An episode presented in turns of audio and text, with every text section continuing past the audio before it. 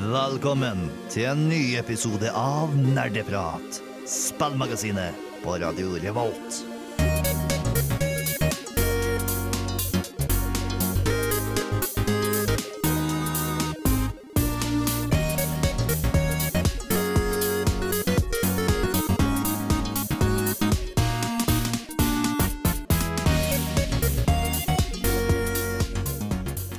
Hallo, hallo, hallo, og hjertelig velkommen til nok en episode med Nerdeprat.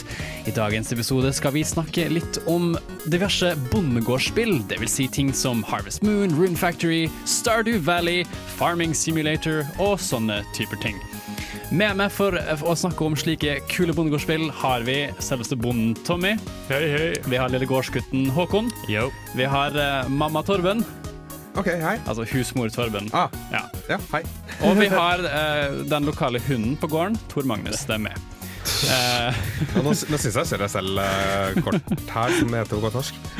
eh, på godt norsk.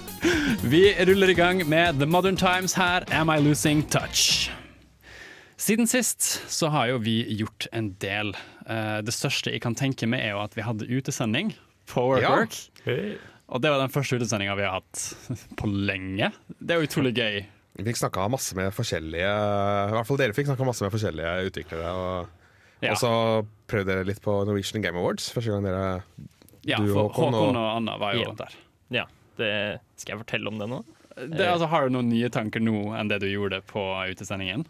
Jeg tror egentlig ikke det. Jeg følte jeg fikk oppsummert mesteparten av tankene på utesendinga, men det var jo Vi- vi- Så hvis du kjære lytter ikke har hørt eh, fra denne utesendingen, så ligger det på, ute som podkast, og Mm. også på våre nettsider og, og, og i vår Radio Rolt-app.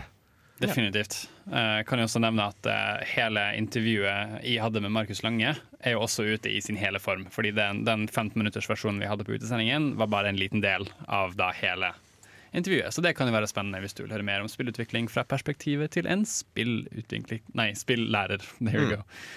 Um, Men har vi spilt noe?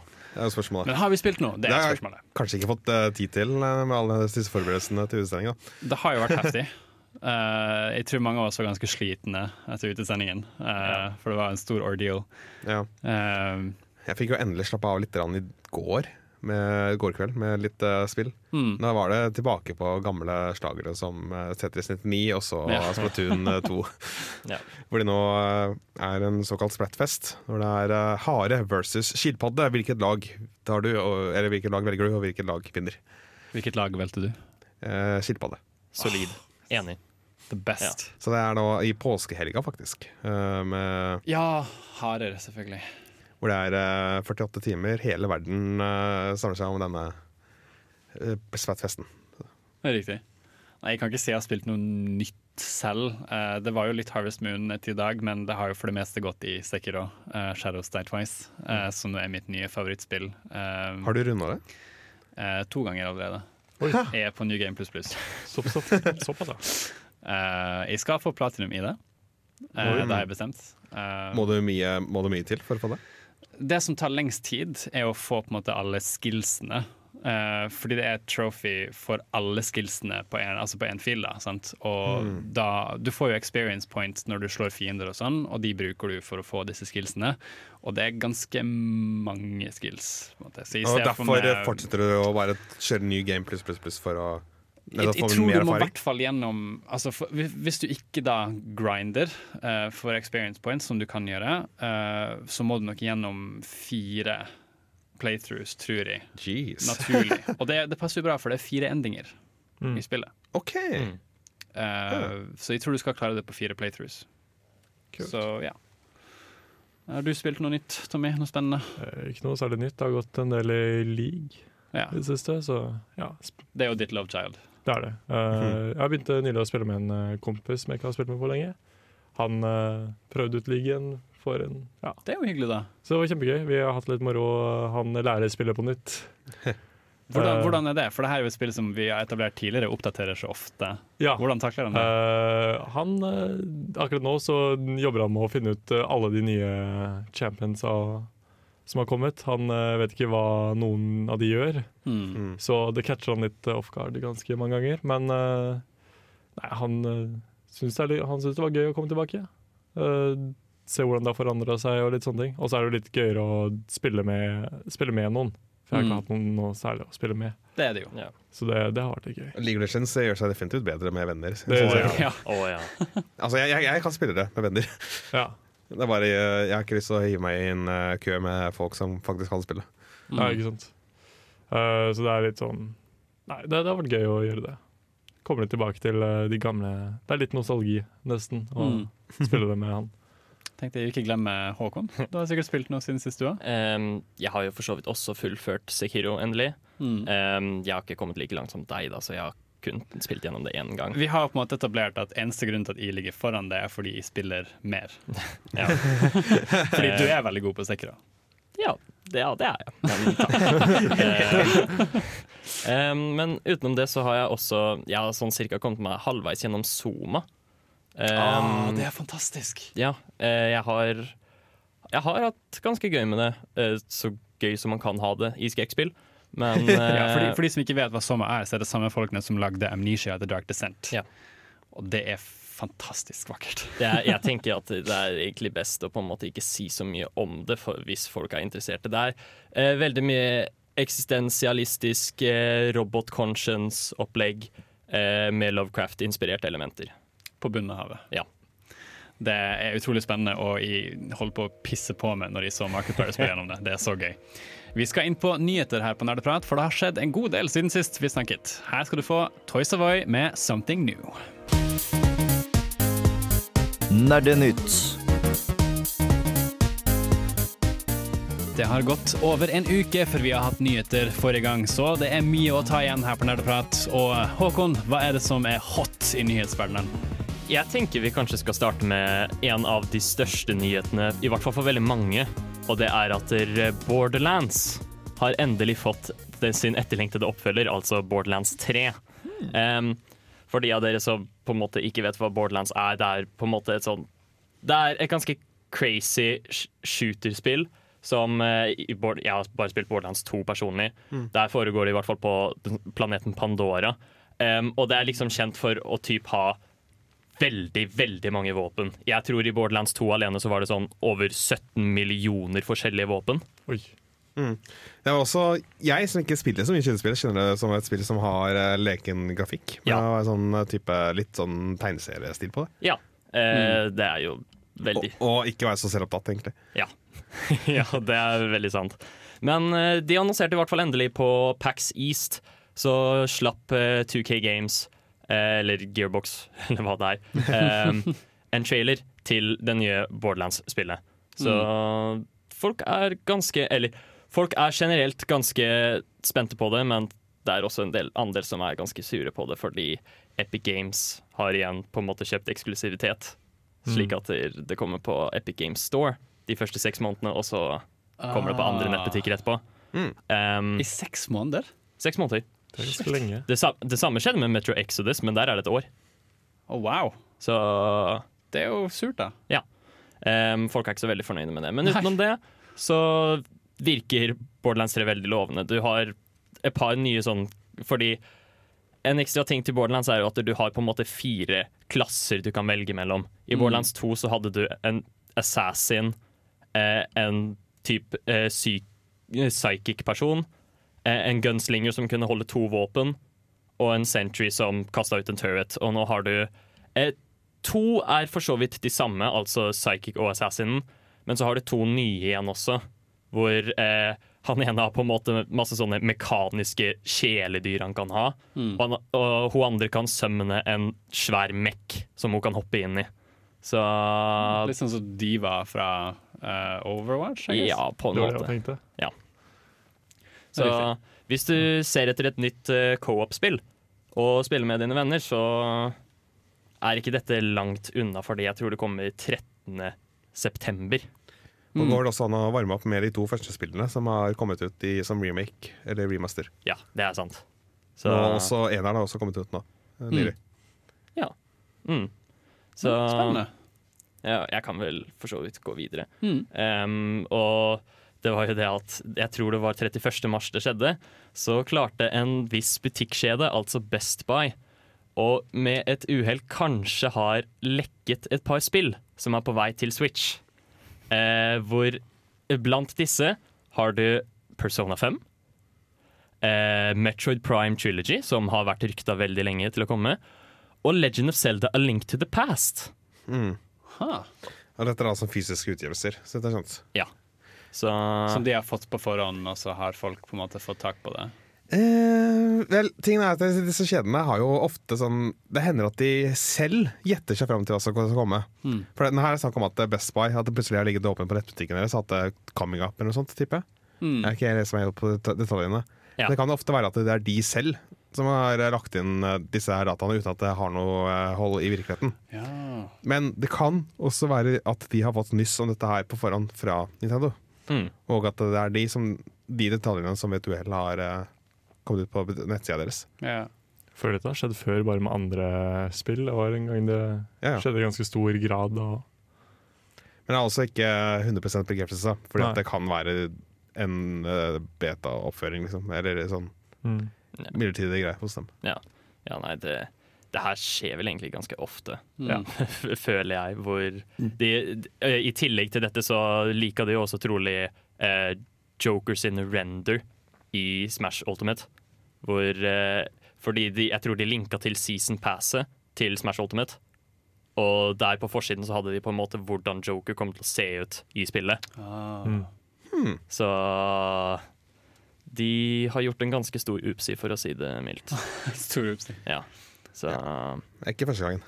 nei. Litt som denne stage-builderen vi så eh, du viste oss, Torben. Det er vel separat nyhet. Å, det var en separat nyhet. Ja, det Vi kan jo gå inn på det litt, litt, et litt musikk, da. Eh, for det er jo mye nyheter å ta igjen, eh, og vi må puste litt imellom nyhetene. Eh, før det skal du få en låt av The Black Keys. Her får du Low High her på Nerdeprat, studentradioen på Radio Revolt. Low High of The Black Keys fikk du der. Du hører selvfølgelig på Nerdeprat, spillmagasinet på Radio Revolt, ikke studentradioen på Radio Revolt. I, i sovestående. Vi har fortsatt mer nyheter her på Nerdeprat. Kjør i vei, Håkon. Ja. Eh, vi, du nevnte raskt hele den stage builder Ja. eh, oopsien eh, rett før vi gikk til låt. Ja, fortell om det. Eh, Nintendo starta jo uka med å slippe ut eh, type en ny annonse for Super Smash Bros. Ultimate. Og da klarte de også med et uhell å kanskje lekke informasjon som de ikke skulle. Og det er altså at helt i starten av traileren så får du på en måte et look på et, en av menyene. Og da får du se en liten, et lite ikon som ikke har vært der tidligere, hvor det ganske tydelig står 'stage builder' på. Det er jo på en måte blurra ut, da, men ikonet kjenner vi jo igjen fra tidligere. Og det er jo Stage Builder-ikonet. Ja. Så det, det her var jo på en måte en veldig etterlengtet eh, funksjon, ettersom at eh, folk likte det faktisk veldig godt i både i Brawl og Smash 4. Og dette var noe som manglet i Ultimate, og det var veldig mange som hadde lyst på det. Og med tanke på at update nummer tre kommer denne måneden her, så er det ganske greit å anta da, at vi får en stage builder-funksjon i spillet. Ja, Så du kan lage egne baner, og endelig kan du ha eh, en bane som bare er trampoliner igjen i Ja. Ultimate. Etter å ha vært sårt manglet. Å oh, ja. Herregud. Eller du kan lage liksom, the, the Pit of Doom med masse pigger rundt arenaen, sant? Ja. Som, som vi gjorde før. Mm. Ja. Det, så det blir veldig bra. Jeg personlig gleder meg veldig veldig til Stage Builder. For nå. Joker er kanskje også på vei nå som eh, Han er jo en del av DLC-pakka til uh, Super Smash, men, uh, og skal komme ut i løpet av april. Ja, det var april de sa. Um, og det, det blir vel en del av uh, up, Han skulle være en del av update nummer tre. Ja. Um, eller 3,0, da. Mm. Uh, så da virker det jo også som at uh, Stage Builder også kommer til å være en del av update nummer 3,0. Er lov å håpe. Ja. De hinta jo til at det her kommer til å være en veldig stor oppdatering, og man kan jo se det nå. Mm. Så Men det blir bra, for jeg føler at man, man, det er fint hvis de kan eh, på de, hjelpe oss gi spillet litt sånn liv eh, et- etter hvert. da. Ja, Det er veldig mange av spillene i dag er jo den type. At du kommer med spillet, så kommer det liksom eh, inn, ny, nytt innhold. Innholdsoppdateringer. Ja. Sånn Splatoon og, og kanskje Destiny er det største uh, spillet på det her. Ja. Mm. Ja, jeg mener sånn sett også så skulle det ikke forundre meg om man eksempel får flere seasons med nye Smash-karakterer etter de fem DLC-karakterene nå. Men hvem får vi da? Det er, det er et veldig godt spørsmål, men det er jo Jeg føler jo man nå har sett at det er ingen grenser til hva man kan sette i Smash, etter i hvert fall Cloud. Ja, helt klart. Det er jo mange karakterer som er sterkt ønsket. Uh, altså Shadow the Hedgehog for eksempel, Ja. har en stor skare som vil ha han med, og sånne ting. Jeg håper på min My Boy Garfield. Ja, det er ikke sant. Så eh, Men ja, vi kan vel gå videre Ja. til noe mer Nintendo-relaterte nyheter. Og det er at eh, denne Labo-VR-en, som jeg tror vi snakka om det tidligere, som vil altså si at det kommer VR med, av papp, som du kan lage selv. Ja. Den får tydeligvis funksjonalitet med Zelda Breath of the Wild og Mario Odyssey. Som vil altså si at du kan spille disse spillene med VR-funksjon. Ja, jeg er litt sånn Jeg tror kanskje ikke det kan spille full opp, fullverdig opplevelse, nødvendigvis, men det kan være sånn gallerimodus eller noe sånt, kanskje. Ja, det Eller har det kommet noe spesifikt? Hva, Hva er formuleringen? Ja, um, jeg, jeg leser her på IT-avisen hvor de sier at der, eh, i Breath of the Wild så kan du hoppe inn og ut av VR-opplevelsen når du vil. Mens i Super Mario Odyssey kan du oppleve Cap, Seaside og Luncheon Kingdom med tre nye minioppdrag. OK. Så, det, så jeg vil tro at det er en viss VR-funksjonalitet til det, ja, og ikke bare typ sånn gallery-modus. Mm. Kanskje typ sånn at du bare ikke, det er jo, Vanligvis så vil jo VR-spill være i første person, men at det da heller bare er at du ser spillet veldig nært, på en måte. Veldig kinoopplevelse. Så jeg, jeg, jeg er fremdeles litt usikker på hvordan det fungerer, men det, det, det, det går i hvert fall over forventningen av hva jeg trodde Labo-VR-en kom til å gi oss. Ja, folk som har prøvd å teste ut, uh, har jo også kommet fram til at det var ikke helt forferdelig, som man skulle tro når man tar den lavoppløselige Switch-skjermen rett opp i ansiktet. Ja. Jeg er spent. Jeg er veldig spent. Uh, et visst spill har jo vunnet uh, norske BAFTA-nominasjon. Ja, Og vi uh, brit, det skal er jo britisk En britisk BAFTA-nominasjon. Det er ben i BAFTA. Ja, riktig. Og vi skal inn på det her straks på Nerdeprat. Her får du Samu med 'Show Me Love'. Uh, vi har jo faktisk fått en, eh, en en nominasjonsvinner. eh, et norsk spill som het My Child Lebensborn, eh, som vant en britisk pris. Kan ikke du fortelle litt om det, Håkon? Det her var ganske store nyheter. Eh, ja, så BAFTAene var jo for ikke så lenge siden, og jeg vil si den beste måten å beskrive det på er på en måte som spillverdens Oscarer. Em, og da var det ett spill fra Serepta Studios som stilte med navn Det var Sarepta, Sarepta og Technopilot? Ja. ja. Mm. Ja, det er riktig. Beklager. Um, Eh, men de stilte i hvert fall med eh, mobilspillet My Child Lebensborn, Ja. som eh, handlingen er at du på en måte skal oppfostre et tyskerbarn i Norge i kjølvannet av andre verdenskrig. Um, og de vant jo da. Um, vant, ja, vant de for beste narrativ, eller hva? Nei, eh, beste eh, Games Beyond Entertainment. Ja. Altså spill som er noe mer enn bare underholdning. Mm. ja. Det er jo i høyeste grad Marshall Lemonsborn eh, et eksempel på. ja. Det er jo liksom ikke bare underholdende, men også veldig informativt. Uh, gir et stykke av historien for hvordan disse barna hadde det. ja. Ja, og gir deg, setter deg i deres perspektiv, da. Ja. Som uh, tyskerbarn. Og dialogen der var jo også skrevet av eh, Osan Drøsdal, som Ja. vi faktisk hadde på utesendingen vår, som var veldig spennende. Hvor han fortalte oss at han snek inn noen spøker ja. som Katarina ikke var så fornøyd med. Han var jo veldig mye mer vant til å skrive humoristisk fra Ja. sin tidligere erfaring. Så det å skrive mer seriøst var ikke det letteste Nei. for ham. Men det var et morsomt intervju, så det anbefaler alle å få med seg fra, Ja. Ja. igjen fra utesendinga vår. Mm. Em, men i hvert fall gratulerer til Mm. Sarepta Studios, og Ja, i. I kjølvannet av det her så dukker det opp en liten uh, debatt, i hvert fall på Twitter, om at uh, du virkelig her kan se hvor lite um, norske medier følger med. På at eh, Spillmediene er jo med. Pressfire Gamer og sånn, og dem er jo ikke noe veien med. Men eh, av alle riksmediene sånn, så var det egentlig bare NRK som hadde artikkel på det. her. Ja. Både i forkant, når de, eh, på torsdagen, før de eh, fikk vite om de vant. Da, da var det bare nominert. Mm. Og i etterkant av at eh, hvor de vant saken. Det var, liksom, det var noen, et, et av spillnettstedene pitcha artikkel til VG, liksom, og det kom Ja. inn. Ja, for hun, eh, hva heter hun, fra Er det, er det SV eller Venstre, hun politikeren? Eh, Venstre kulturminister Ja. Trine Skei Grande. Ja, riktig. Hun hadde jo gratulert dem personlig, sånn å forstå, i en artikkel på Pressfire. Ja. Og det er jo ganske, det er ganske kult gjort, da. Hun har jo engasjert seg masse for spillkulturen i Norge, og det er kjempegodt å se. Ja, så det viser jo at uh, kulturstoff er, er liksom det folk har, redaksjoner har kutta vekk. Når, når det først begynte å bli litt uh, vanskelig å opprette opprettholde Hmm. pengene. Og da har også mye av spillstoffet forsvunnet fra riksmediene. Hmm. Det er synd. Sånn er det også i humaniora på skolen nå. Det er the first to go.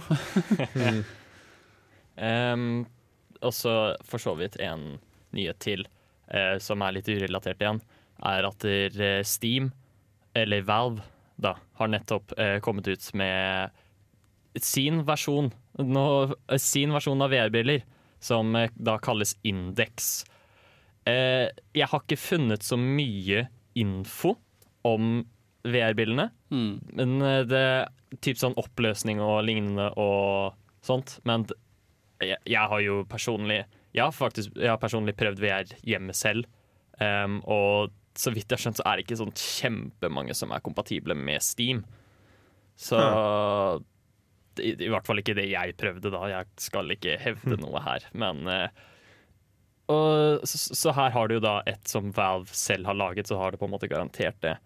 Uh, og, men det eneste jeg egentlig vet om det, er at Steam At dere skal ha typ integrerte hodetelefoner som du kan ta opp eller ned. Mm. Um, ja, så uh, Og utenom det så tror jeg de snakka om at de skulle prøve å få dette lansert innen mai. Jeg tror de snakka om 1. mai. Mm. Det var Jeg fant veldig ukonkret informasjon om det på internett, men jeg tenker det fremdeles er verdt å nevne. De sa også at de på en måte ikke skulle prøve å være veldig, veldig drøye på prisen, så det blir et litt rimeligere VR-headset. Ja. Det virker som om dette er fremtiden, på en måte. VR. Alle investerer i det. Så, Jeg tror Steam allerede hadde litt eh, med HTC Vive. Jeg tror de hadde så godt et samarbeid der. Men eh, de har tydeligvis gått videre med sitt eget. da Ja, Forskjellen der er jo også at Vive er fryktelig dyrt. Å ja, det er på en måte høykvalitets Eller det er høy, høy high end-klassen. Ja, måte. så på den måten også så er det jo da greit å få en til litt greiere prisklasse, og fremdeles da kunne få muligheten til å oppleve VR. Kanskje studenter kan oppleve VR nå. Ja, faktisk. eh, jeg har jo for eksempel, Vi har jo snakka om Thumper tidligere. Det har jeg Jeg, jeg fikk sjansen til å prøve det i VR, og det var jo helt vilt. Helt Mm. ærlig. Så og jeg tenker at jo flere som får muligheten til å oppleve det, jo bedre. Kanskje vi får et spill hvor du ser hunder i VR. Jeg vet om en person som liker hunder, og det Ja, er Tomoya. jeg, jeg har en liten nyhet der. Ja, okay. Ja, eh, som jeg skulle presentere. Eh, du har nemlig eh, Ruining my Segway, man. Ja, men det er nesten så du urinerte hvorfor jeg tok med låta. OK. Eh, det er I disse dager så har et nytt spill kommet ut. Yoshi's Crafted World. Ah, Og når du er leser anmeldelsene til det spillet, så er det én ting som går igjen. Og det er at folk er ikke så altfor fornøyde med musikken. Og det er sånn at eh, det er en ny komponist for det spillet. Eh, fra, for den tidligere den komponisten som har laget musikken til Yoshi's Woolly World, Curbs Epic Yarn og Varuland The Shake Dimension. Han heter Tomoya Tomita, og jeg gikk frilans etter Yoshi's Woolly World. Og han ble ikke hyra inn for å lage musikk til Yoshi's Crowded World. Og det er mange på Twitter som uh, skriver om hvordan Å, jeg savner uh, Tommy Tomita sin musikk. Altså, jeg liker ikke musikken til det nye spillet. Og han, Tommy Tomita, komponisten, han retwitter alle. han tar liksom at eh, Se på alt dette her. Uh, eller bare retwitter, da. Alle de som skriver om at de savner han. Og så har han nå i natt til, i, på, til onsdag, så har han altså posta på YouTube tre låter som kunne passa sklidd inn i rett inn i uh, Yoshi's uh, Crafters World eller Mm. Willy World eller Kirby's Epic Yarn. Rett i den stilen. Så jeg har tatt med meg en av de låtene som han har postet på YouTube. Det er bare å søke opp den Tomita. Skal jeg interessere? Ja, vær så god. Og den heter så mye som Doggy and Me. Ja, velkommen til gards. Nå ruller vi inn i temadelen her i Nerdeprat. Og da skal vi prate om bondegårdsspill. Hvem er denne karen? Jeg heter Tor Magnus, og jeg skal leie dere gjennom denne temadelen. Nei, jeg skal ikke ha den dialekten hele tiden, men jeg syns det var litt gøy. Til tross for at ingen andre i studio syns det. Men jeg koser meg, jeg har det gøy, og det er det viktigste. Er ikke det en her som har gått drama, vet du? That's me! For vi skal nemlig snakke om bondegårdsspill her på Nerdeprat i dag. Og det finnes jo mange forskjellige typer bondegårdsspill. Sjøl er jeg kjent, mest kjent med Harvest Moon, som har fått mange iterasjoner helt fra SNES-en til uh, gamle Gameboyen. Game, uh, Boyen. eh, det har kommet på GameCube, det, på DS, det er overalt. PS2 alt mulig rart. Eh, Du har fått eh, avgreininger som har ført til Rune Factory, som er mer sånn eh, farming og dungeon crawling, med litt dating-elementer. Um, for du skal finne deg en kone. Og du har uh, Stardew Valley, som er mer på PC, eller også Switch, slik jeg har skjønt. Uh, PC, Ja. Switch. Det er på Switch, i hvert fall. Ja. Uh, og så har du jo selvfølgelig mer eh, farming simulator, hvor du faktisk skal eh, styre en gård. Du kjører rundt med traktorer som skal være så virkelig som mulig. Um, kommer ikke på så mye mange flere eksempler per nå, hvis ikke dere har noen flere. Jo, Animal Crossing er jo litt bondegårdish. Ja, på noen vis. Ja, Tommy? Jeg syns vi må ta med det gode, gamle Farmwheel fra Facebook, da. Hallo! Det er jo en, en litt sånn, hva skal jeg si, veldig sånn normalis, simplifisert versjon Vel, tilpasset Facebook. ja. Som vi vet, veldig mange av mine klassekamerater på videregående satt og spilte i timen. Og for meg så var det foreldrene mine. Jeg spilte og Ja. hekta. Å nei. Eh, min, jeg husker min mor var veldig, veldig, veldig veldig hekta. Ja, sjæl. Um, også på Jeg husker veldig godt at det siste året på videregående så var det et mobilspill spesielt som het Heyday. Som gikk Åh. utrolig mye rundt overalt. Mm. Og så Folk liker type de avslappende bondegårdsspillene. Ja, ikke sant? For er jo- krever på en måte ingenting. Eh, jeg, jeg kan vel høre noe. Ha, har vi spilt mye bondegårdsspill her selv, folkens? Nei. Jeg, jeg har spilt uh, Animal Crossing. Ja. Og jeg spilte for å anmelde et av Harvest Moon-spillene. Ik ikke ordentlig Harvest Moon, men et av de nye Harvest Moon-serien. Ja, det, det, det, er en, det, er faktisk en lang eh, forklaring som jeg må komme tilbake til senere, tror jeg. ja, okay. Men uh, det var ikke spillet jeg ga så særlig godt skus skussmål, da. Dette er jo en spillserie som har utvikla seg lenge fra den kom ut. Eh, for det startet jo enkelt og greit. Du er en fyr som har ansvar for en gård, og det er det, på en måte. Du du går og planter frø, du liksom eh, tar vare på dette your field, your field of crops. Du arver som regel en bondegård etter noe sånt? ja, det er sånn, du har en, en slektning som har en gård, og så kommer du og liksom, ja, du kan arve den, og så gir du den et navn, og så er den din. Uh, mens for eksempel, som vi så i Farming Simulator, så skal du store deler av spillet tjene opp penger for å kjøpe en gård. Og måten du gjør dette på er ved å på en måte gjøre oppdrag for andre folk du kjenner rundt i spillet, hvor de sier liksom, ja, kan ikke du komme og jobbe litt på åkeren min, så skal du få penger for det, fordi de er for lat til å ta seg av sin egen gård. uh, på en måte. Jeg vet ikke om det er latskap, men uh, man Det trenger virker litt sånn. Ikke at de vet det, men det så litt sånn ut når jeg så en video om det på YouTube. Uh, men folk syns jo det òg er spennende. Eh, jeg sjøl er ikke så keen på den delen hvor du kjører rundt i traktorer som på ekte. Uh, jeg er vel mer inn i den Harvest Moon-delen hvor du liksom Er det ikke Tyskland som er skikkelig sånn fan av simulatorspill? Hvor det bare Det er eh, på en egen seksjon i uh, spillselskap Eller spillbutikken og sånt. Det er liksom full av alle simulators du kan tenke deg. jeg, jeg vet ikke det personlig, men- hvor har du det fra? Hørt, jeg tror jeg har hørt det et sted.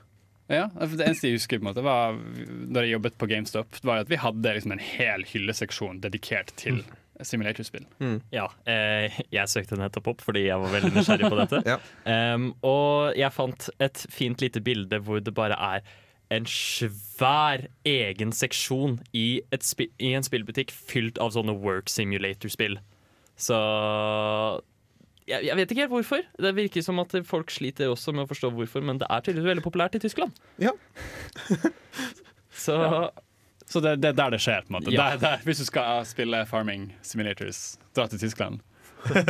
Eh, det, det ser ut som at de begynner det mest fordi egentlig for mange av de samme grunnene som man liker bondegårdsspill, og det er at det, det er avslappende. Det er jo det. Ja. Det er jo noe vi skal litt mer inn på senere. Altså, Altså, Pappa slapper av med Euro Truck Simulator, liksom. Og, ja, ja, sant? Slapper av med å kjøre rundt og ja. Nei, Simulatorspill er jo nesten noe vi burde snakke om i seg selv. Det, det er jo så mange. Jeg vet ikke, hva altså, er grensen for hvor du kan dra simulatorspill, egentlig? Det er jo det godeste Shower with my dad simulator på Det Steam. finnes, ja. Ja, du, du, du har tullesimulatorsjangeren, Ja. som tuller med hva du kan lage simulator ut av, og så har du faktiske simulatorsjangeren. Som bare er eh, rett på Vi skal gjøre det så realistisk som mulig, det å kjøre traktor eh, på åkeren. Har vi en Giving Birth Simulator ennå? Oh god. Jeg tror det, og jeg håper. ikke Nei, jeg håper ikke det kommer heller. Ikke liten. Du er jo stor fan av simulatorspill, eh, Tommy, er du ikke det? Ja Nei, jeg spiller ikke Jeg spiller ikke simulatorspill. Nei, det er ikke helt min greie. Ikke helt min greie. Uh, Men bondegårdsspill, da? Nei. Nei! Eller um, Du, du er vår mann som ikke Altså, egentlig har spilt Tommy, det. eh, det eneste han gjør, er farmer minions. eh, Ja, ser du. Der, vet du. Jeg, jeg farmer minions. Velkommen til league. Far, ja. For de som ikke vet det, å farme i spill er jo på en måte å, å samle en viss ressurs Ja. veldig mye. Da kaller du det for farming. Det er det, det er det jeg ser på som farming. Det, farming for meg er å farme minions. Så på en måte kan du farme i alle spill, egentlig. True. Vi skal snakke mer om bondegårdsspill her på Nerdeprat, men her får du først Iris, 'Romance Is Dead'. Du hører på Nerdeprat her på Radio Revolt, og vi snakker om bondegårdsspill i dagens sending. Uh, og bondegårdsspill, det er jo er ikke det sånn det ultimate sofaspillet, folkens? For det er liksom utrolig avslappende å spille det for i, da. Uh, jeg tenker tilbake på da jeg spilte Harvest Moon A Wonderful Life på GameCube. Eh, det var ikke så, så mye bakgrunnsmusikk, egentlig. Det var veldig rolige naturlyder her og der, i hvert fall om natten i spillet. Og det, det var så stille og rolig. Og du gikk liksom rundt og bare melka litt kua, du bare plantet litt frø, du gikk litt rundt i byen, kanskje du solgte geitemelka du hadde, for den var ikke god for noe annet. Eh, og du gikk inn og kanskje flørtet litt med dama i baren, fordi det er på en måte det du kan gjøre. Og det var utrolig harmonisk. Har dere gjort dere noen tanker om hvorfor disse bondegårdsspillene er så stille og rolige og, og, og chill, da? Tommy? Ja, jeg har ikke spilt noe spill, men jeg kan jo se for meg hvorfor det er så avslappende og chill å spille. Fordi du kan jo liksom Det er bare at du setter deg ned, og du må ikke ha et mål hele tiden. Du kan egentlig bare spille for å Ja, du rett og slett slappe av. Det er litt som å lese en bok. Du Du har, leser du har liksom ikke quests du må gjøre. Liksom, Nei, gjør det her, kjemp disse fiendene, gjør det her, gjør det her. Checkpoints, liksom. Du bare Ja, det er litt sånn du, du gjør det for din egen glede og din egen Ja, litt for deg selv, da. Det er noe du gjør for deg selv, ikke bare sånn for å Ja, det er ikke noe konkurranseinnstilt, da. Mm. Og det er Ja. kanskje det som tar, det litt, tar vekk litt av den der Det er sant. Uh, Du må gjøre det nå, og du må gjøre det da, liksom. Du kan gjøre det på din pace. ja, din pace, din tid, når du har tid. Ja, fordi Ja. du har på en måte fjerna Det er ikke noe sånn at du må unngå hull i bakken, for ellers så dør du. Eller du må unngå Det, det, det, det er på en måte Du, du har fjerna muligheten til å feile, Ja, og du, vil jeg si. Mm. ja, det er jo litt eh, det jeg ser for meg kan være ganske digg. Ja, for hva ville vært å feile i Harvest Moon? På en måte. Gå tom for penger eventuelt, da. Men ja, Jeg vet ikke, kan eh, Fordi jeg vet at um, på Farmwill, når jeg spilte det for sånn ti-elleve år siden jeg ikke når, Ja. når jeg først fikk Facebook liksom i en alder av ti eller noe, Mm. Uh, så var det jo litt sånn Det eneste som var stressende da, var at hvis du um, Hva heter det? Uh, satte ned crops, hva ja, så du plantet frø Jeg plantet frø og, og, sånne ting. Mm. Uh, så hadde du en spesifikk timer på når du måtte plukke det opp før de råtnet. Ja. Uh, det Når de er liksom ripe, på en måte. Ja, Ja, jeg kan se for meg at det nå i sånn som Stardew Valley og sånn, så er det kanskje ikke den timeren. Så du må ikke komme tilbake til spillet til noen spesifikk tid heller. Og det gjør at det, det er enda mer sånn når du har tid. Jeg får litt sånn flashbacks til uh, i Pokémon tredje generasjonen, når du først fikk disse bærene som du kunne plante igjen, som Ja. du kunne vanne, og så vokste de opp. Uh, og så ble de vel stående etter de var helt fullmodne, tror jeg. eh, en viss tid, og så ville det råtne. Men Ah. da ville frøene på en måte plant, det faller på samme sted, sånn at det ville plante nytt tre eventuelt. Mm. Og hvis du er flink å vanne det underveis i prosessen, så vil det også gi be bedre eh, Flere- høsting. ja. Riktig, riktig. Ja, men Du sier noe med, med konkurranseaspektet der, i hvert fall. Det er Ja. noe jeg kjenner igjen med en gang. At her er det liksom ingenting som truer det. Du kan gjøre ting på din pace. Altså Om du skulle gå tom for penger, Mm. så kan du fortsatt starte på nytt igjen som om det var første gangen. Mm. Uh, Eller du kan uh, Animal Crossing riste et tre, håpe på at det dukker opp Ja. eh, eh, epler eller mynt. Ikke bier, ikke bier. Jeg har ikke spilt Animal Crossing. Hvorfor vil du ikke ha bier? eh, fordi de er skumle. Ja, Um, blir du typ Om du rister et tre, og så kommer det bier, og så blir du stukket, Ja. så er du etterlatt med et sånt svært type stikk, biestikk resten av den dagen. Og det er jo ikke så veldig hyggelig, da. Alle du møter, kommenterer på det. Ja, De gjør det. Det var mitt neste spørsmål. Vil de kommentere på det? Og en annen ting er jo at eh, Jeg føler at Jeg veit ikke om det gjør det, men i uh, tiden passerer jo litt raskere i sånne spill, vil jeg tro. Altså, ja, du har jo på en måte Hvert sekund er på en måte minutter, eller noe sånt. Eller Ja. litt lengre sekunder. da, på en måte. Så det virker som at du ikke da må vente i x antall eh, Ja, At det ikke er real time. Det er ikke real time, liksom, Nei. og det gjør det litt bedre. Det, det er faktisk real time i Animal Crossing. Oi. Eh, og, Ah. men det er noe av det som jeg syns legger til spillet og gjør det så bra, fordi det er typ det skjer forskjellige aktiviteter disse og disse tidene. Mm. Som eksempel hver lørdag eh, på kvelden så kommer KK Slider, altså Ja. en eh, god hund med gitar, og Ah. spiller litt toner for deg. Og det er jo alltid kjempekos, og det vil man alltid få med seg. Ja, Så- så, får du ei LP-plate som kan spille hjemmet ditt. Ja. Så det blir, blir på en måte et alternativt univers da, som lever samtidig med at du lever ditt eget liv. Og så må du bare sjekke inn med hva som skjer i det alternative Ja, for de kommenterer jo når du ikke har vært der på en stund nå, gjør de ikke det? Ja, det er litt, litt snillere. Ja, eh, de, de er litt mer speedy, og av og til ja, Jeg har hatt flere ganger hvor jeg kanskje ikke har spilt på en stund, og så har de bare flytta. Og så får jeg ikke se dem igjen, og så er det skikkelig trist hver gang. Ja, det ser jeg også for meg at det er litt sånn at du kommer tilbake Altså Du kan ha vært borte en stund, men når du kommer tilbake, så er det liksom å se et uh, favorittshowet ditt om igjen. da Bortsett fra at det, du lager for så vidt for favorittshowet ditt. Altså Du lager din egen verden, og du Mm. styrer den. Du lager en egen verden og styrer den. Ja, for så vidt. Mm. Og det tror jeg kan være ganske digg å liksom ha styringa på sin egen verden. Definitivt. definitivt. Eh, jeg tror jeg foretrekker mer det å ikke ha real time. eh, Ja, selv, for det kan bli litt mye å holde styr på. Ja. Eh, men disse spillene har jo også utfordringer, og litt mer om det skal vi snakke om her straks. Får du, først får du Baroness med Borderlines. Vi snakket om hvorfor bondegårdsspill er så koselige og chill å spille, og hvordan de på en måte, ikke har det konkurranseaspektet Mm. som mange spill har, som gjør det litt mer heftig å spille. Eh, og det er jo sant. Bondegårdsspill er veldig avslappende å spille. Men det betyr jo dermed ikke at de ikke kommer med sine utfordringer. Mm. For det er jo utfordringer i disse spillene.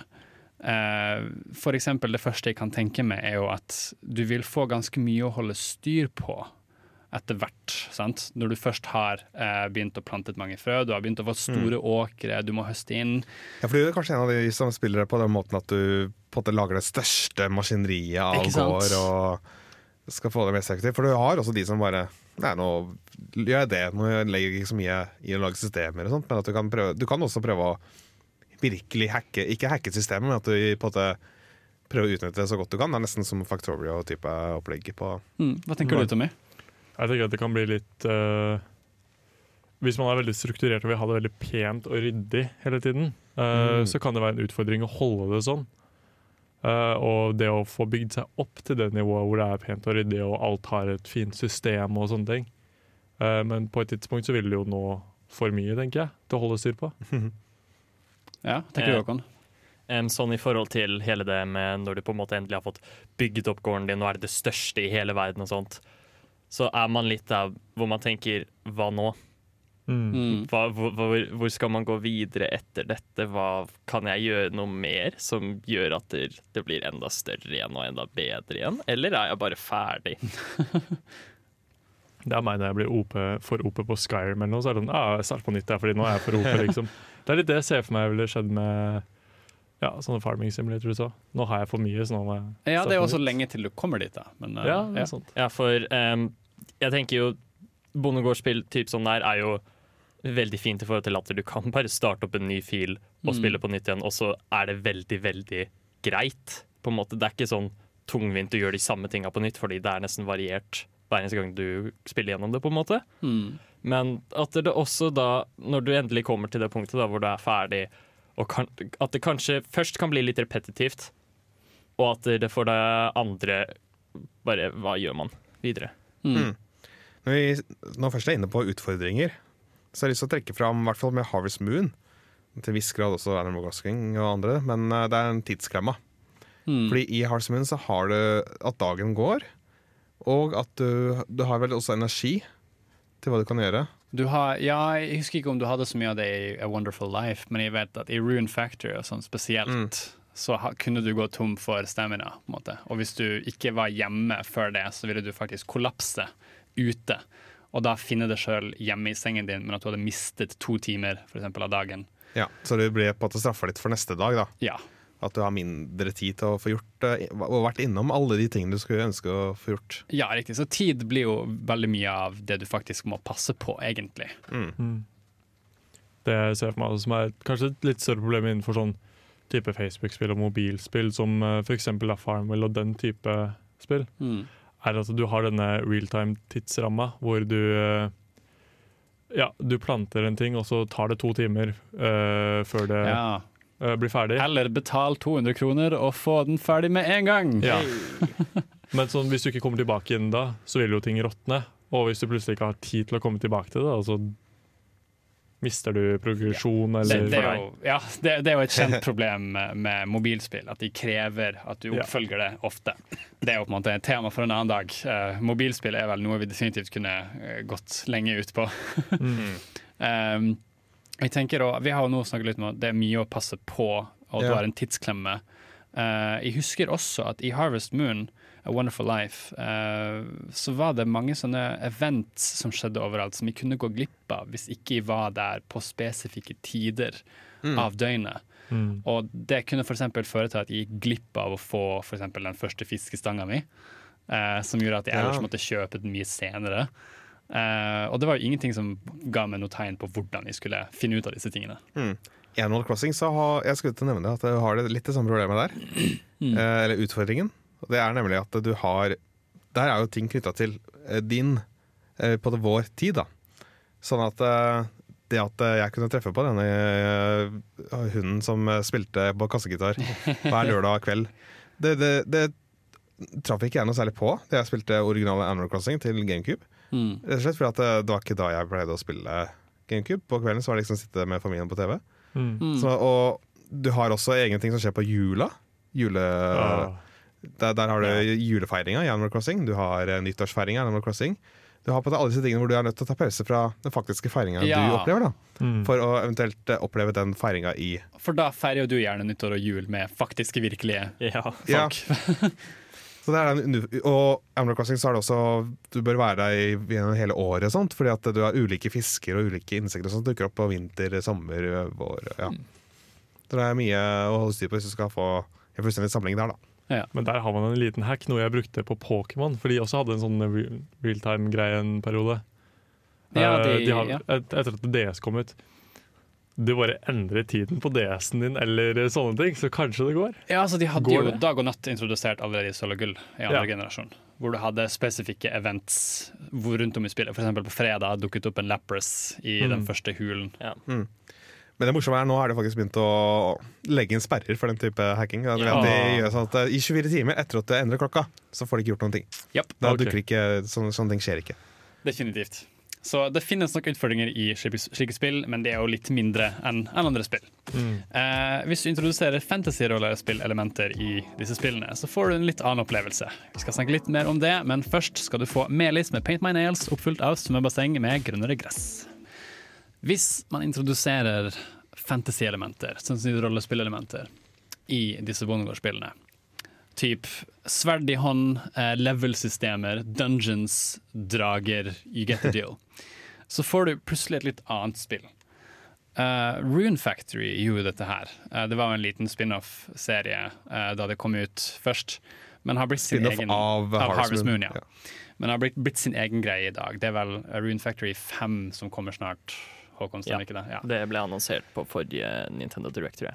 Riktig. Så det er jo tydelig at det er et marked for det. Uh, og her har du på en måte hele mølja. Ikke bare har du farming og dungeon crawling, du har også dating. Så det er på en måte litt av alt. Er ikke dating Eh, også i de vanlige Hearts Moon-spillene? Det er, jo, det er det kanskje, ja. Uh, det var så lite i A Wonderful Life, for da var det bare tre jenter du kunne velge mellom. Så jo. Men, men, uh, Men det, det at du, det at du utforsker Ja. huler og ganger og sånt, og Ja, kjemper sant. mot monstre og sånt, det er på at det Du har et helt, helt system med masse dungeons. uh, dog ikke så fleshed out. Jeg husker jeg prøvde Jeg har bare prøvd ett Rune Factory-spill, og det er Rune Factory Frontier på GameCube.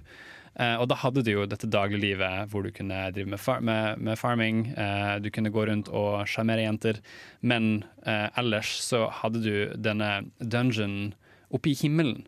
En sånn hval på en måte som sto statisk oppe i himmelen, som du kunne reise opp til med en sånn beanstalk som på en måte gikk opp dit. da og utforske. Det er veldig sært. ja. men det som også var enda særere, var at den øya bare var der på to dager i uken. Så når du faktisk hadde oh. muligheten til å utforske den, så måtte du virkelig være effektiv. Uh, jeg var helt elendig på det, selvfølgelig, så jeg tror ikke jeg kom så særlig langt. Uh, Men, men men jeg måtte måte balansere gårdsdrifta opp mot uh, Mm. det å utforske, eller? Ja, du måtte det. Og ja, mange av de dyrene eller monstrene som du fant i dungeons, kunne du f.eks. bli venner med. Så eksempel når du kom et visst stykke inn i hulen og fant ulvene, så kunne du faktisk bli venner med ulven, slik at du kunne ri rundt på den til vanlig rundt om i byen. og sånn. Altså, det- var på en måte en hva skal jeg si, tosidighet da, med at eh, Mm. jo, det du gjør i dungeon og sånt, gir deg ting som du kan bruke i ditt uh, gårdsdrift. Ja, det gjorde det. Eh, Selv sauene i for Rune Factory da, de var monstrifisert. Sant? De sto på to ben, hadde på en måte sånn lange, flappete ører. og du måtte liksom gå og bli venner med de der for å få de til gården din, så du kunne på en måte få ullen deres og bruke den. på en måte. Eh, så det var knyttet sammen på den måten. Uh, men der hadde du virkelig et sånn endurance, et stamina-system du måtte passe på. sant? At uh, hvis du gikk tom for det, så som vi nevnte tidligere, da kollapset du, eh, og det gikk utover de neste dag. Jeg lurer på, Var det også sånn at det gikk andre veien? At, ting, at uh, når det gikk bra med gården og sånt, så ga det deg fordeler på noe vis? At eh, inn i Ja, fordi når du sier det, eh, ting som du laget på gården, si melk av kyr, eh, mat som du fikk, frukt eh, som du fikk fra å, å ta eh, jordbær fra busker og, og så videre, Mm. det kunne du jo ta med deg i hulene eh, og bruke som eh, eh, ressurser som du kunne holde det gående lengre. Sant? Items Ah. for å fylle opp igjen stemmene og liv Uh, og sånne ting. Så det, det har knyttet seg sammen på en bra måte, faktisk. Eh, Ja, for Jeg er litt sånn overraska å høre på at det, at det går an å kombinere de to. For det er jo litt sånn ut og aldri gjør vann, på et vis. da det gjør At disse rolige bondegårdsspillene på, på en side, og så har du en liksom actionfylt, uh, spenstig uh, action. Farmer by day and fighter by night. På en måte. Jeg vet ikke. uh, men ja, har dere noe forhold til sånne type spill, eller noen tanker om det, Tommy Håkon? Dere står litt sånn og bare klør dere litt i, i ryggen. Jeg har eh, fortsatt ikke noe særlig eh, forhold til det, egentlig. Nei, ikke noe mer enn det du hadde da jeg spurte deg i ikke noe mer enn eh, League og Farming Minions. Det, farming Minions går veldig bra over til å Mm, farme champions etterpå. ja. Enn du Håkon, har du gjort deg noen formeninger? Ja, jeg har en grei opp, liksom, erfar En grei mengde erfaring med fantasy-spill generelt. Mm.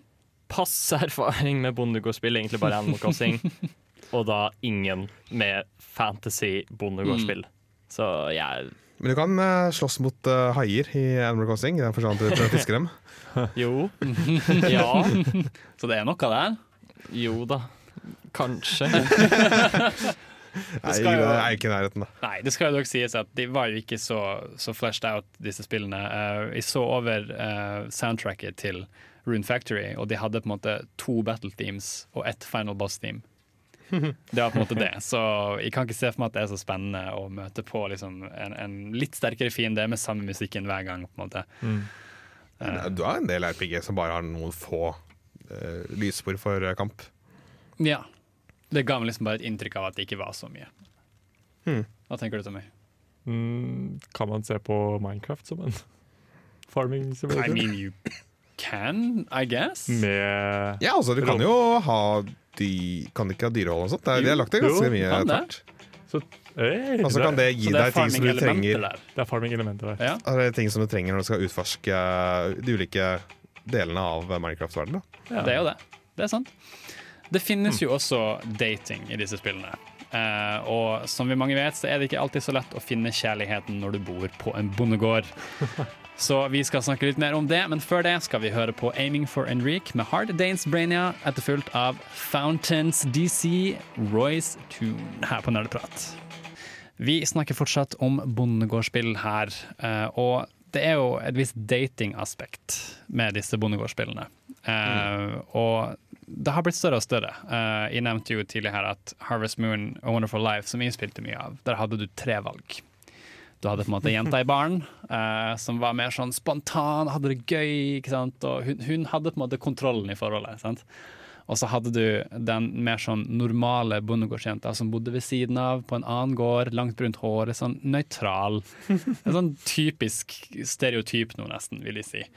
Som også er glad i bondelivet, og den som jeg tror veldig mange valgte.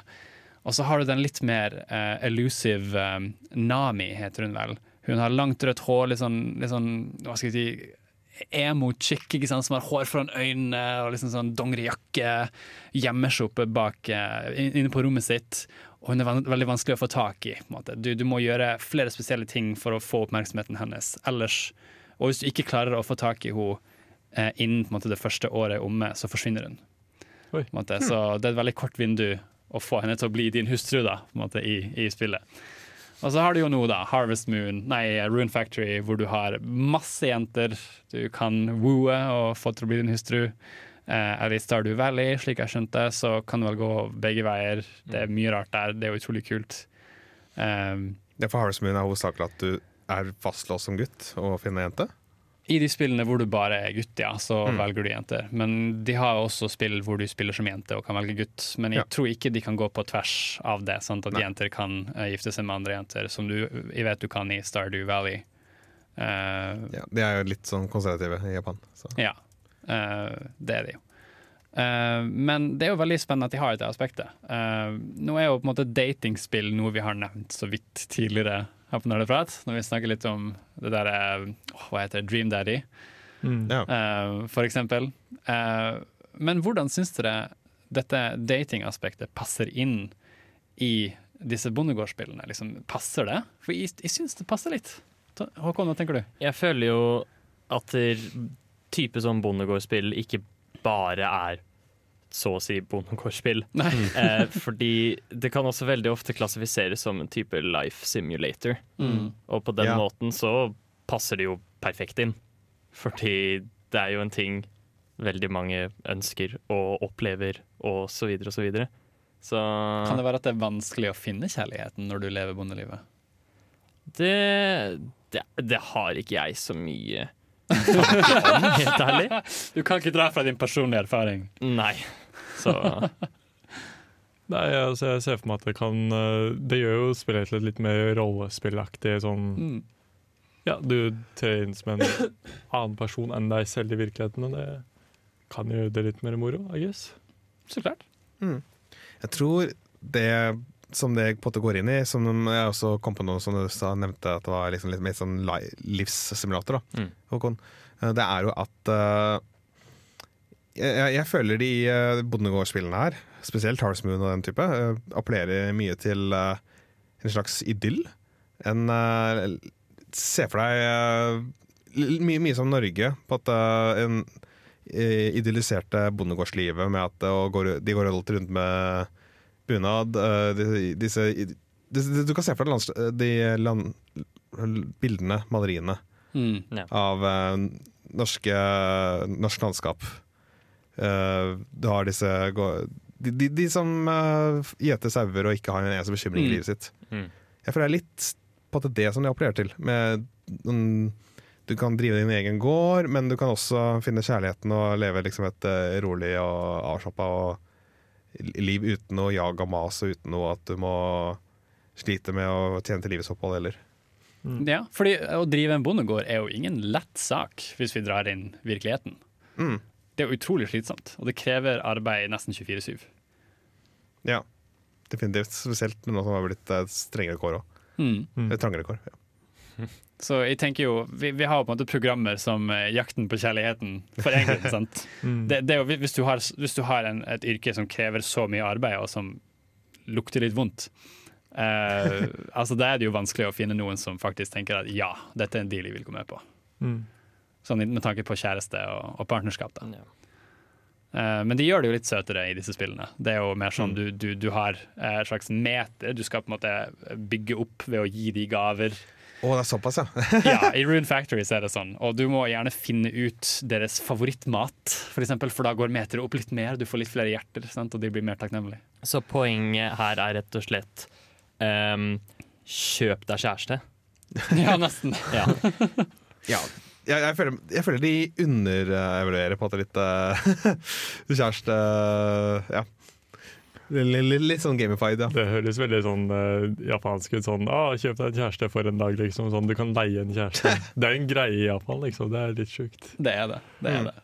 Men når vi er inne på det her aspektet, så blir det, på, det blir på det litt menneskeaspektet, mellommenneskelige, som Mm. er veldig fint å få inn i som bondegårdsspill. Det er på det litt sånn det er, det er en annen type ingrediens da, som blander seg fint med det resten av eh, spillet, føler jeg.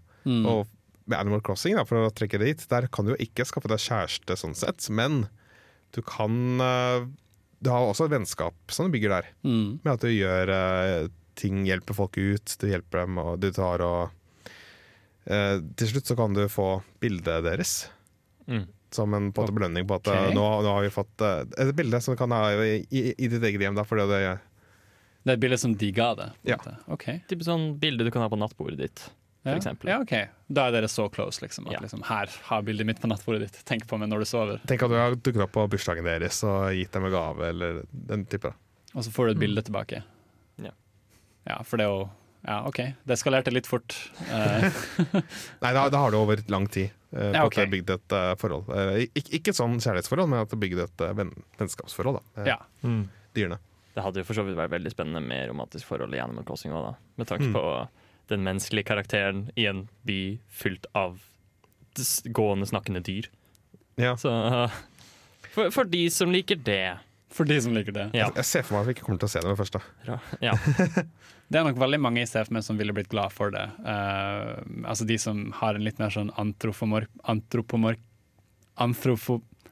Antropomorfisk. Kink. Thank you. Uh, litt tongue-tied der. Sannsynligvis litt lettere å annonsere neste låt, tenker jeg. Jeg håper det.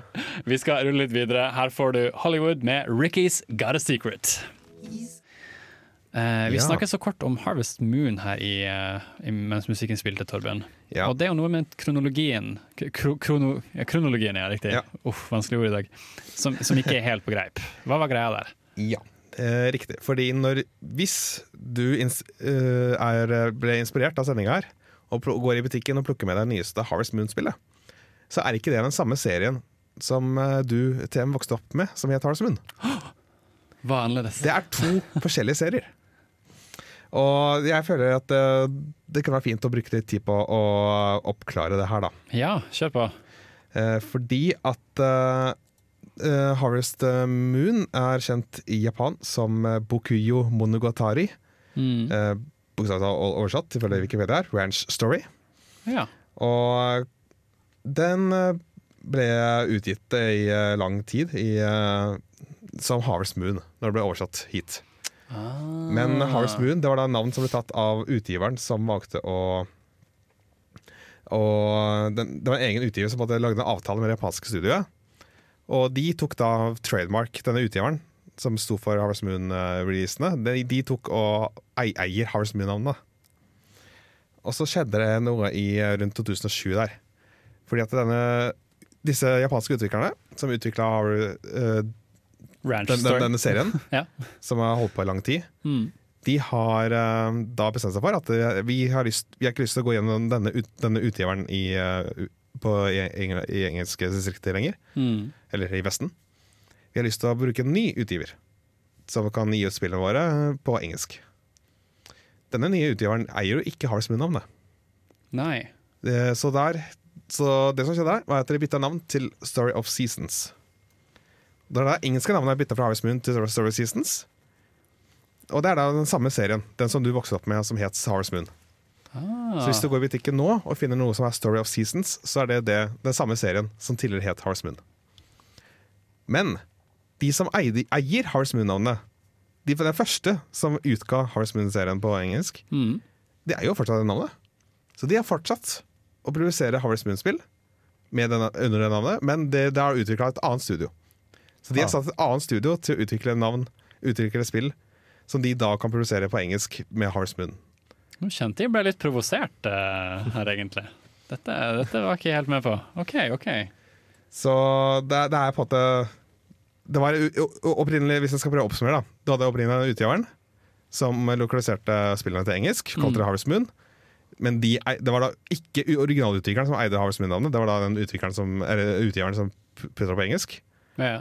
Og når eh, japanske utgiverne da gikk til et annen publiserings eh, publisher, så fikk ikke de med seg navnet. Og de som da eide navnet Så da, ja. Forvirrende. Jeg prøver, å, jeg prøver å forstå det. Hvilket spill er da det ekte Harvest Moon?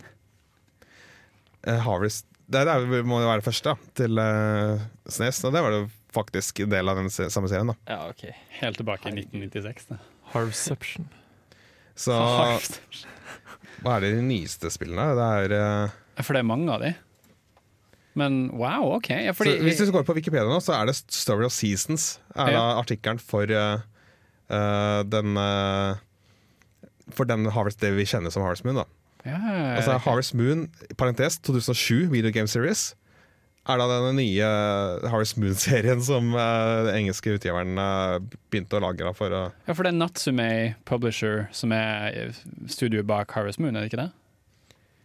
Eh, det er eh, de som eh, publiserer. Ja, riktig. Distributørene, ja, riktig. Det er de som eier Harvest Moon-navnet. Mm, mm. Men det er eh, Men det er jo litt kleint at det her har skjedd, da. Ja, og som Wikipedia-artikkelen sier, at uh, The move has caused a degree of confusion. Ja, Med, forståelig. med, med en referanse. Ja, naturligvis. Så det var eh, kronologien på jeg, jeg følte jeg bare måtte få oppklare det, da, så ikke folk går i butikken og kjøper det de tror er Harvest Moon, og så kanskje er det ikke så bra som den, det vi uh, skulle Nei, altså, det det her var helt nytt for meg. så, så, det, så Harvest Moon A Wonderful Life, som jeg spilte på GameCube, var egentlig ikke Jo, Harvest jo, jo, Moon? jo, det var jo før det byttet skjedde. Ok, det var ja, 2007, sa du, ja. Riktig. Ja, så Skjønner. skjønner. det, de, de har fortsatt å gi ut spill nå, og det er det Story Seasons som er da det navnet du skal bruke. Ha. Men du går på sto- listen av Story Seasons-spill, så heter det Harvest Moon, Harvest Moon Gameboy, Ja, Harvest Moon ja, ja. 64.